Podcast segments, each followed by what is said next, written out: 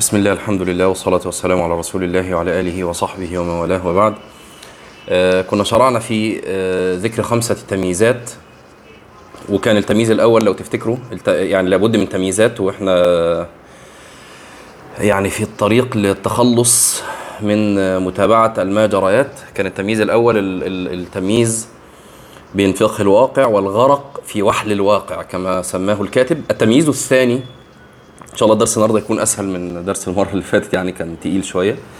قال التمييز بين المتابعة المتفرجة والمتابعة المنتجة. يقتنع كثير من المعنيين بالعلم والإصلاح بأهمية متابعة الواقع السياسي والفكري.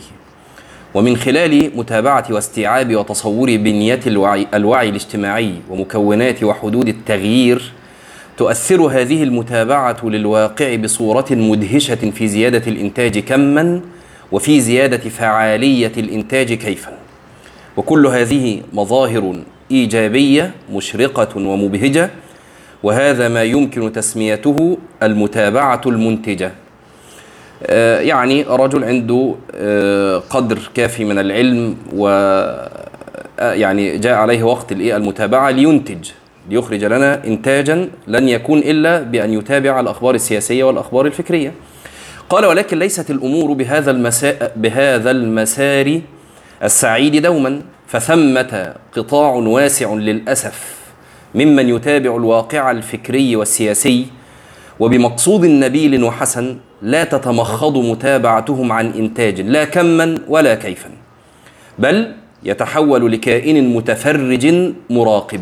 وللأسف يا جماعة إن بعض الناس آه، يعني آه، وأنا أعرف أناسا آه، من طلاب العلم كانوا منتجين في وقت من الأوقات ويتابعون متابعة منتجة يعني يتابعون لي- ليخرجوا لنا آه، إخراجا ونتاجا جيدا عما يدور.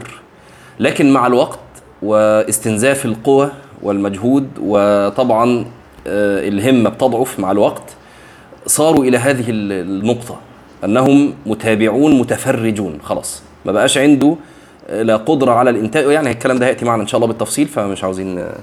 قال بل يتحول لكائن متفرج مراقب منخرط في سلسلة الماجريات الفكرية والسياسية ويتصرم عمره في هذا المشهد الحزين وهذا ما يمكن تسميته المتابعة المتفرجة ومن أسباب عدم وعيه بهذه الإشكالية هو توهمه أنه يتابع ويلاحق الماجريات الفكرية والسياسية لأهمية الوعي بالواقع حتى يستطيع الإنسان التأثير فيه. ولكن الذي يجري فعليا أن الأمر مجرد مراقبة وتفرج من مدرجات الجماهير السلبية. وهذه المتابعة المتفرجة ستكون جزءا من عينات البحث في هذه الرسالة. عشان يا جماعة بس نفهم إحنا فين وبنعمل إيه. إحنا دلوقتي بنميز أمورا علشان تشوف أنت واقف فين. يعني لما نيجي نقول إحنا عاوزين نميز بين فقه الواقع والغرق في وحل الواقع. ممكن قبل ما نقرأ الكلام ده كنت أنت مش منتبه ويمكن آه، آه، بتأويل ما إن أنا ب يعني بتابع الماجريات أو الترند يعني بلغة العصر علشان أفهم فقه الواقع. وإذا بك غارق في وحل الواقع. لما تميز هذا من ذاك آه تعرف أنت فين. التمييز الثاني اللي هو التمييز بين المتابعة المتفرجة والمتابعة المنتجة أيضا مهم أنك ت- تميز أنت فين. أنت في أنهي آه، معسكر من المعسكرين. هل أنت متابع متفرج أم أنت متابع منتج؟ التمييز الثالث التمييز بين المتابعة آه، بين المتابعة زمن التحصيل والمتابعة زمن العطاء.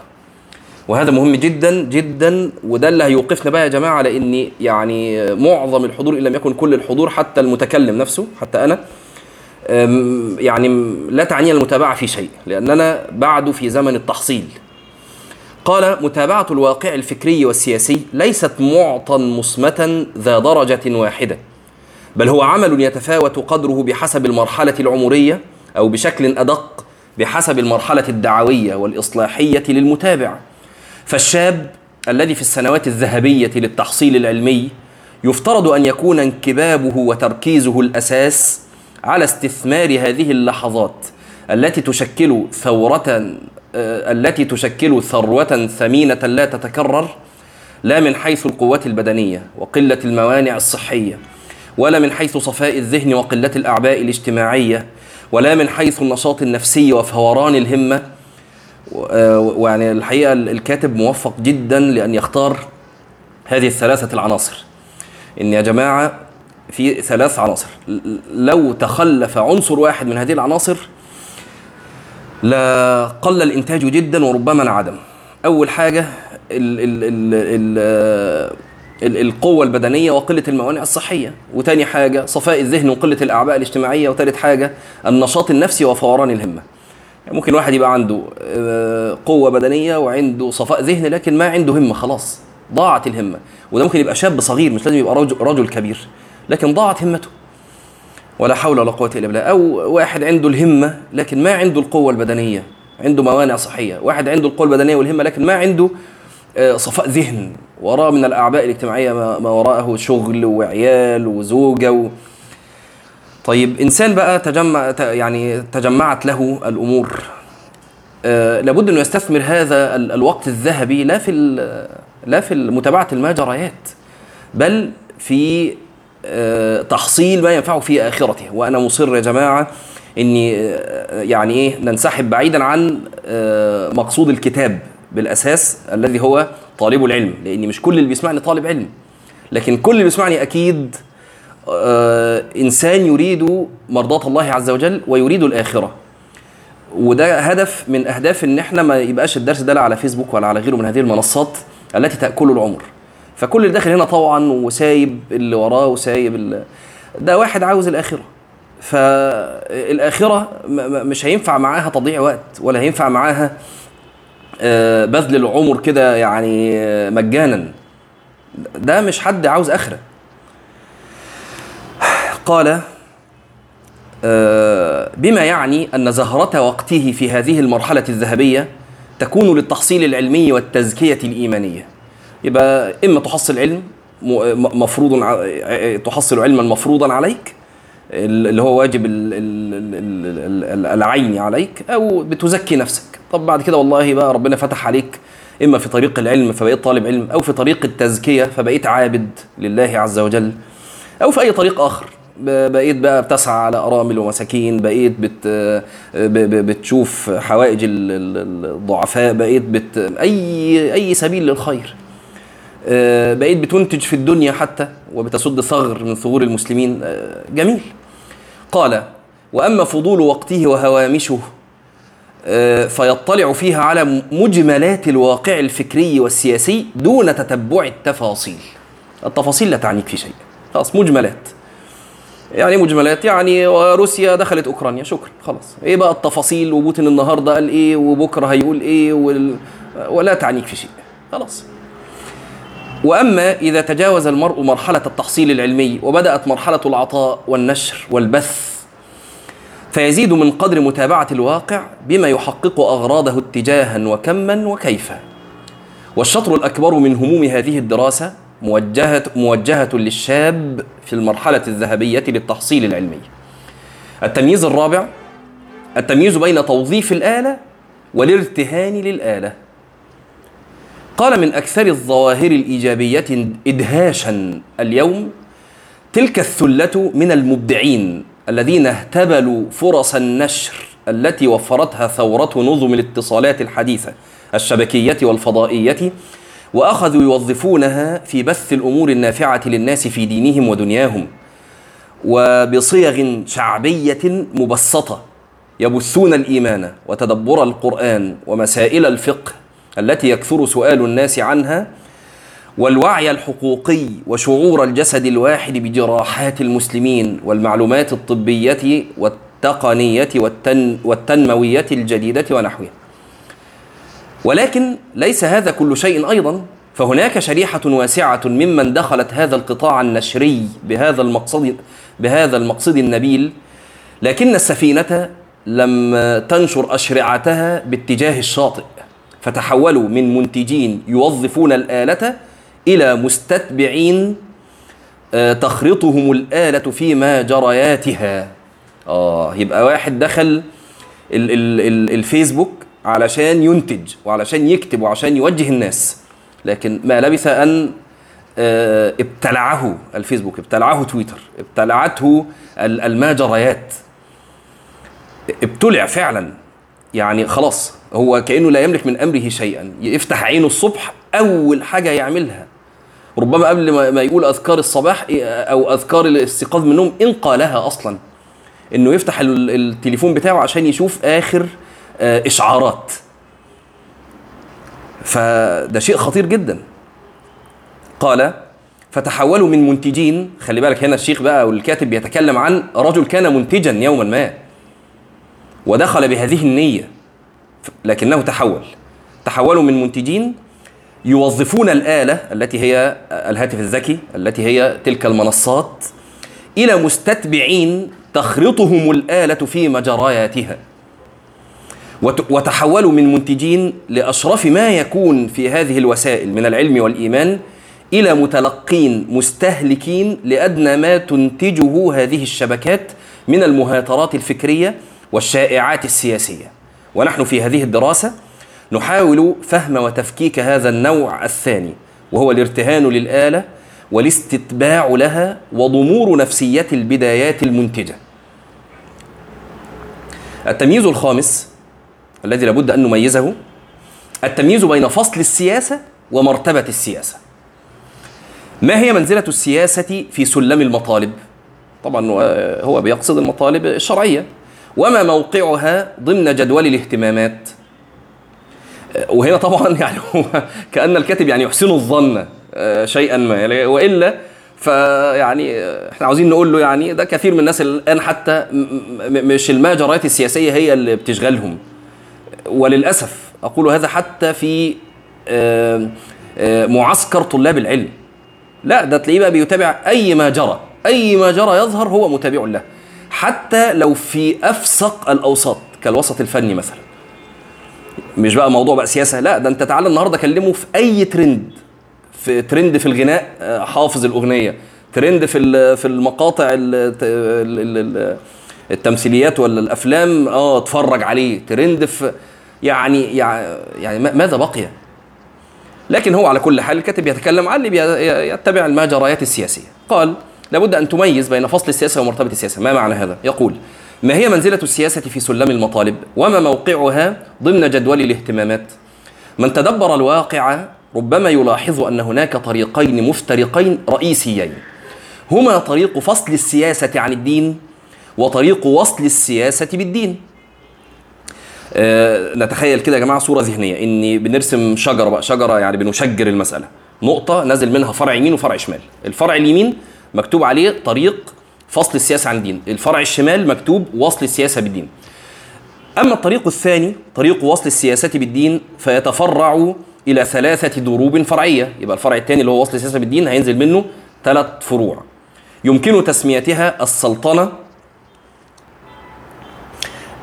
والتعميم والتخصص. بما يعني أن حصيلة هذا التمييز ينتج لنا أربعة مواقف. العلمنة يبقى أول واحد اللي هو فصل الدين عن السياسة بالكلية ده علمنة أو علمنة من العلمانية. والسلطنة دول بقى الثلاثة التانيين دول من يقول بوصل السياسة بالدين. والسلطنة والتعميم والتخصص.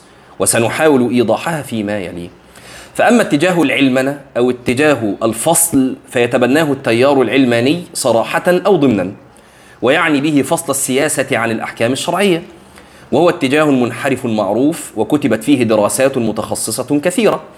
وأما اتجاه التعميم ننتبه بقى ده أول اتجاه من ثلاثة اتجاهات آه، تقول كلها بأن السياسة متصلة بالدين. أول اتجاه يسميه اتجاه التعميم فهو اتجاه يقابل الاتجاه العلماني. ويرى أن السياسة من صميم الدين ويرى أن أس البلاء هو النظم السياسي هو النظم السياسية الفاسدة. ويدعو صراحة أو ضمنا إلى مطالبة عامة المشتغلين بالعلم والإصلاح لترك ما بأيديهم و... والاشتغال بالعمل السياسي والإصلاح السياسي والتغيير السياسي.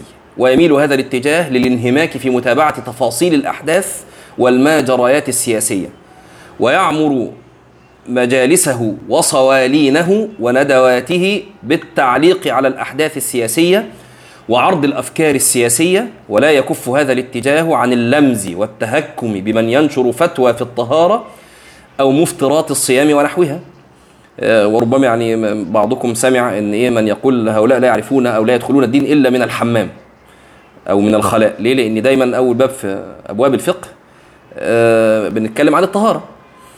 آه، تهكما يعني بمن يأخذ العلم من بابه أو يدخل العلم من بابه. ويعتبر أصحاب هذا التيار أن الاشتغال بمثل هذه المسائل الفقهية كالصيام وغيره تغييب للأمة عن قضاياها الكبرى التي هي القضايا السياسية. على كل حال ده مسلك آخر وهو التعميم. وأما اتجاه السلطنة أعني الغلو السلطاني فقد ظهر في المجتمع المسلم كرد فعل تجاوزي على الاتجاه الثاني ضمن ظروف استقطابات سياسية تاريخية معروفة حيث يقر أصحاب هذا الاتجاه أن السياسة من الدين ومن صميم الشريعة. طيب جميل. ومن هذا الوجه يخالفون العلمانيين لكنهم يرون أن الاشتغال بها حق حصري للمستبد وأن المستبد هو المتفرد بمعرفة المصالح. وأن اشتغال غيره بها يثير الفتن ويزعزع الاستقرار. ويتظاهر أصحاب هذا الاتجاه دوما بالحث على الاشتغال بالعلم لكنهم لا يثيرون هذا إلا في وجه المخالف الحزبي. أما من يوافقهم في الكسروية نسبة إلى كيسر آه إلى كسرى فيرون أن أن انهماكه السياسي من الذب عن المنهج. وهذه التأصيلات لا يخفى الباحث الموضوعي أن باعثها المضمر هو رهانات هو رهانات الاستتباع السياسي لا التحقيق العلمي المحرر. وهي وهي تجاوز صريح للقدر الشرعي في معاني نصوص الطاعة الذي قرره أئمة أهل السنة. وكل هذه الاتجاهات الثلاثة مخالفة لطريقة أهل السنة والمنهج الشرعي الصحيح في فهم الإسلام. والصواب في منزلة السياسة أنها تخصص مطلوب. ومعنى كونها تخصص هو التمييز بين الاطلاع الإجمالي والاطلاع التفصيلي. أي أن المتخصص ينبغي له استيعاب تفاصيلها بقدر إمكانه آه، والانقطاع لها والإبداع فيها. وأما غير المتخصص كأمثالنا نحن فيكفيه أن يعرف مجملات الواقع السياسي. فيكفيه أن يعرف مجملات الواقع السياسي. وطبقا لهذا يعني أنت ما لك والتفاصيل ما لك ولها خلاص أنت عرفت المجمل لأنك بمعرفتك التفاصيل آه، لن تنتج هذا ليس ليس مجالك. بالظبط يا جماعة زي المهندس اللي داخل يعرف تفاصيل الطب في جزئية صغيرة جدا في بحث لسه منشور في مش عارف مجلة إيه. آه، أنت مالك؟ آه، ده مش مش إمتى بقى نقول أنت مقصر؟ لو أنت طبيب في التخصص ده. نقول لك لا اعرف كل ما ينشر لأن ده تخصصك. فكذلك هذه الماجريات. طبعا أنا أكرر. الكاتب بيحسن الظن جدا يعني إيه؟ بمن يتابع الماجريات وإلا ف ف... ف... فإحنا الآن الناس بقت تتابع ماجريات تانية خالص غير السياسة. وطبقا لهذا التصور فإن السياسة جزء من الشريعة لكن لا يتصدى لها إلا ذو الأهلية. سواء المؤهل في الأحكام الفقهية للسياسات الشرعية فيما يخص أحكامها أو المؤهل في الخبرات السياسية المعاصرة فيما يخص آه، آه، فنياتها فيما يخص فنياتها وإجراء وإجرائياتها وإجرائياتها. وأما دعوة عامة الفقهاء والمصلحين وطلاب العلم والشباب والعامة للانهماك في المتابعة التفصيلية للأحداث السياسية والعمل السياسي فخطأ. كما أن حصر حق الرأي السياسي في المستبد خطأ أيضا. وأما فصل السياسة عن الأحكام الشرعية فمناقضة, فمناقضة صريحة لقطعيات القرآن والسنة. وطبقا لهذا التصور التخصصي للسياسة وطبقا لهذا التصور التخصصي للسياسة أيضا فإن هذا الاتجاه لا لا يعتبر الاشتغال السياسي هو المفتاح الوحيد للإصلاح بل هو وسيلة وسيلة معتبرة لكن ضمن شبكة ضمن شبكة وسائل كثيرة علمية ودعوية لا يجوز تقزيمها في سياق تضخيم مفتاحية الاشتغال السياسي في الإصلاح. يعني يا جماعة الاشتغال بالسياسة جزء مطلوب كالاشتغال بالفقه كالاشتغال بالعقيدة كالاشتغال بال- بالدعوة ورد الشبهات كالاشتغال كاشتغالك أنت بنفسك. وهذا هو المهم والذي يعنينا أصلا من هذا الكتاب. أن تشتغل بنفسك. أن تنشغل بما يصلح آخرتك. إنك تخرج من كل هذه المهجريات التي ابتلعتك لتجد وقتا تذكر الله خاليا فتفيض عينك. لتجد وقتا لتختم كلام ربك المصحف. لتجد وقتا لتراجع محفوظاتك التي نسيتها. لتجد وقتا لت- لتبر أهلك. لتجد وقتا لتنمي نفسك في آه، مجالك في الدنيا في تخصصك في الدنيا. لتجد وقتا لتجلس فيه مع امرأتك ومع ولدك لتتعرف على مشاكلهم وتكون جزءا من الحل في هذه المشاكل. هو ده هو ده اللي يعنينا يا جماعة وده اللي إحنا بنقرأ الكتاب عشانه. طيب قال بل يجب أن يوضع في الرف المناسب لحجمه. هذه هي الاتجاهات الأربع لمنزلة السياسة وهي العلمنة أو العلمنة والسلطنة والتعميم والتخصص. ونحن في هذه الدراسة لن نناقش موقف ال- العلمنة والسلطنة اللي هو الفصل وحصر ال- ال- السياسة في ال- ال- ال- الحاكم. لأنه سبق أن كتب عنهما دراسات وافيه وإنما سنناقش موقف تعميم الاشتغال السياسي يعني الذي يقول إن السياسة هي كل شيء ويغرق في السياسة من خلال مواقف العلماء المصلحين والمفكرين الإسلاميين تجاه إشكالية القدر الزائد من الانهماك السياسي. والموقف والموقف منها أو بعبارة أخرى نحن نقف في هذه الدراسة على درب التخصص والذي يرجح الكاتب أنه هو آه، المنهج المرضي. نناقش الأشقاء على ضرب التعميم أما السائرون في طريق العلمنة وضرب السلطنة فهم خارج حدود هذا المجلس والنقاش. هذه التمييزات الخمسة هي الأطر المنظمة لحدود هذه الورقة. ثم آه، يبدأ الفصل الأول في موقع الماجريات آه، طيب آه، كان في هنا بس سؤال اتبعت فنجيب عليه. بيقول القائد الدعوي يعتبر كالمتخصص؟ لا. كم- كالمتخصص في السياسة؟ لا. واحد باعت سؤال بيقول القائد الدعوي يعتبر كالمتخصص؟ لا. القائد الد- الداعية الداعية لابد إنه يعرف قدر آه، طبعا من السياسة بلا شك. آه، لكن ال- الجزء الأكبر هو أو تخصصه الأكبر فيما يدعو الناس إليه. يعني آه، ما دعوة برضه يا جماعة يعني ممكن واحد يكون داعية لكن هو مركز في الشباب مركز مع الشباب. فده نقول له أنت جل الوقت تصرفه في معرفة مشاكل الشباب اولا وغير مشاكل الشباب طريقة تفكير الشباب لأن يا جماعة دلوقتي بقى في انفصال رهيب بين جيل وجيل آه، والتطورات سريعة جدا فلازم يعرف إزاي الشباب بتفكر. إيه ال- ال- ال- المدخلات لعقول الشباب علشان يعرف إيه المخرجات المتوقعة من الشاب؟ ما بقاش أنا يعني بدن في ملطة أو أنا بتكلم في حتة والشاب أصلا في حتة تانية. فيبقى نقول له انت اصرف جل وقتك في هذا. ليه؟ لأن هو راجل مش مش بتاع سياسة.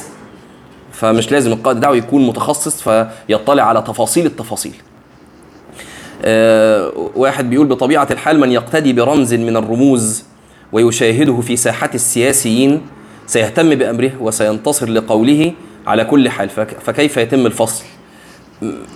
يعني خلينا نرجع تاني عشان بس ما نتشعبش. إحنا اللي بنقوله يا جماعة إحنا مش عاوزين يتم فصل بين شخص وبين آه، ال- المجال. لا لا إحنا بنقول إحنا عاوزين إحنا اللي ننفصل عن هذا الواقع الأليم. وانفصالنا لننجو بأنفسنا فقط. نقطة ومن أول السطر.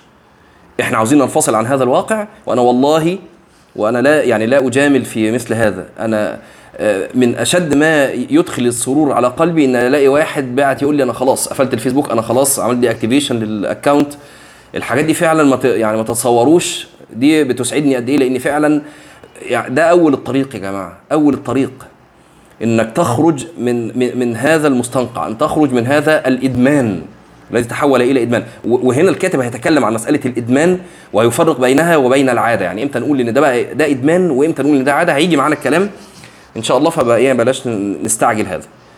آه نبدأ في كتاب التوهم الخمس دقائق الباقية. لو حد عنده سؤال برضه يكتبه ونبقى نشوفه بعد ما نخلص. يقول الحارث المحاسبي رحمه الله آه، يقول آه، ثم لم يفجأ روحك إلا ثم لم تفجأ روحك إلا بنداء المنادي لكل الخلائق معك للعرض على الله عز وجل بالذل والصغار منك ومنهم. هذا موقف عظيم جدا إن وأنت في القبر تفاجأ بالنداء للعرض.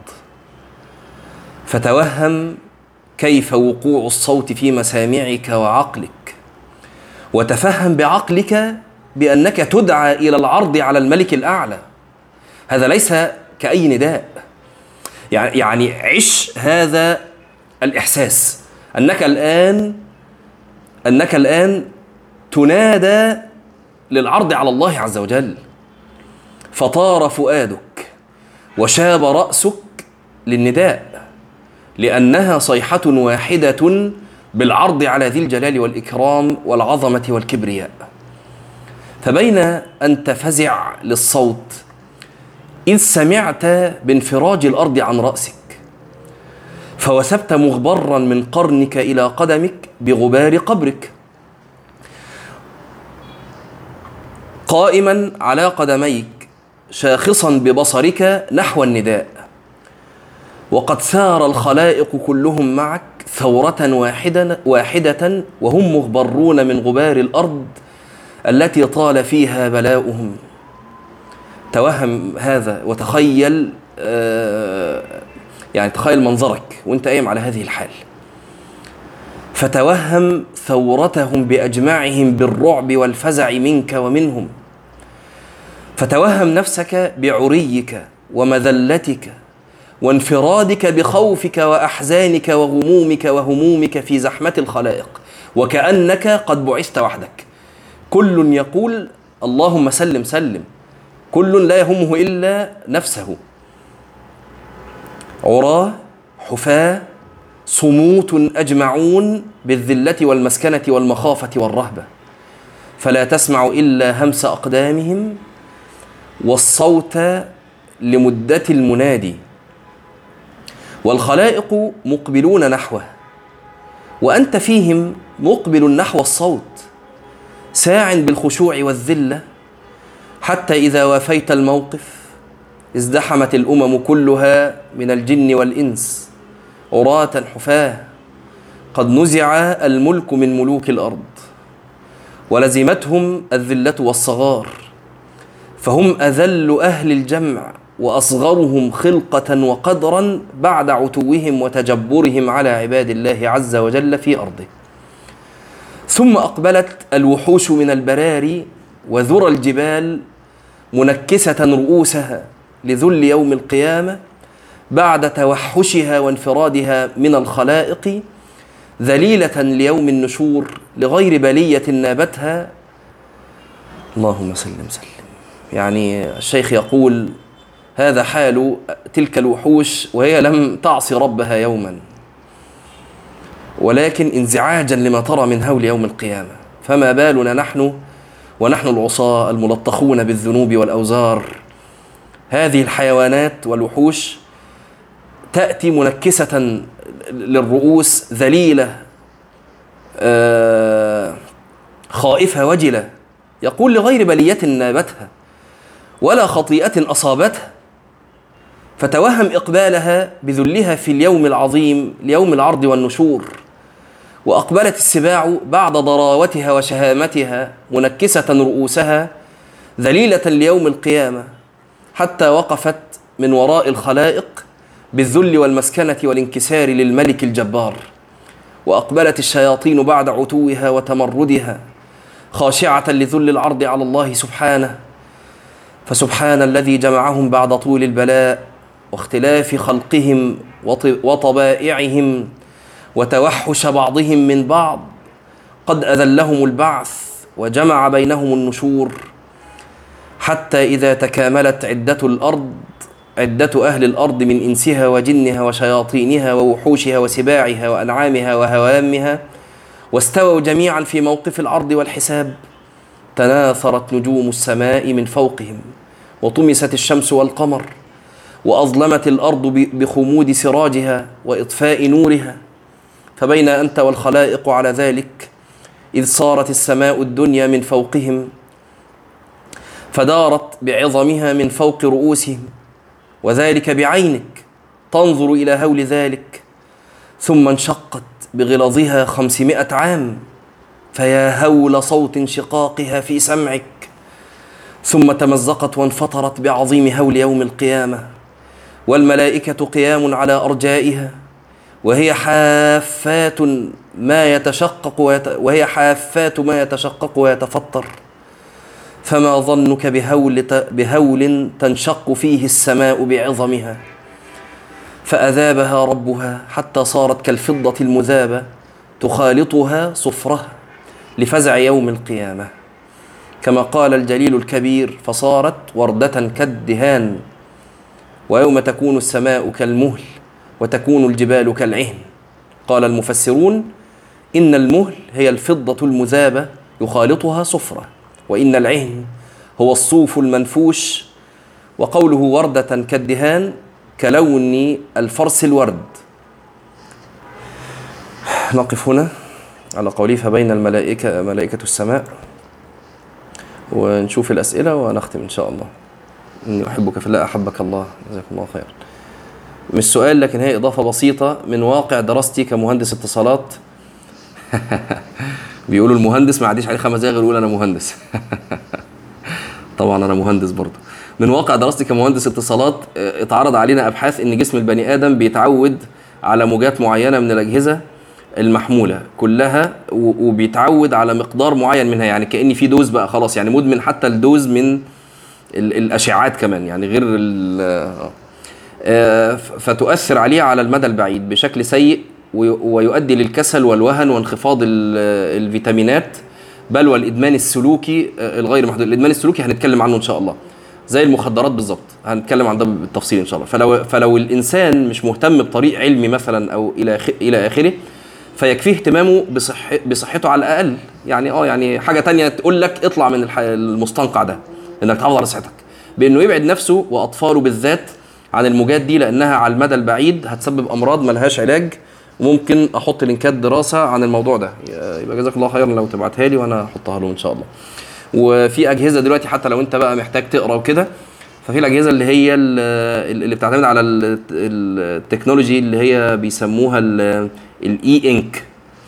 ال E Ink. E Ink دي أجهزة آه، يبقوا دوروا عليها عشان وقت الدرس. بس هي يعني التكنولوجيا موجودة تقدروا تجيبوها عشان تقروا عليها الحاجات اللي أنتوا عاوزين تقروها من غير ما يبقى في ال ال ال الاشعاعات اللي بتطلع دي. إي إنك. إنك يعني حبر يعني. آه، جزاكم الله خيرا. والسلام عليكم ورحمة الله وبركاته.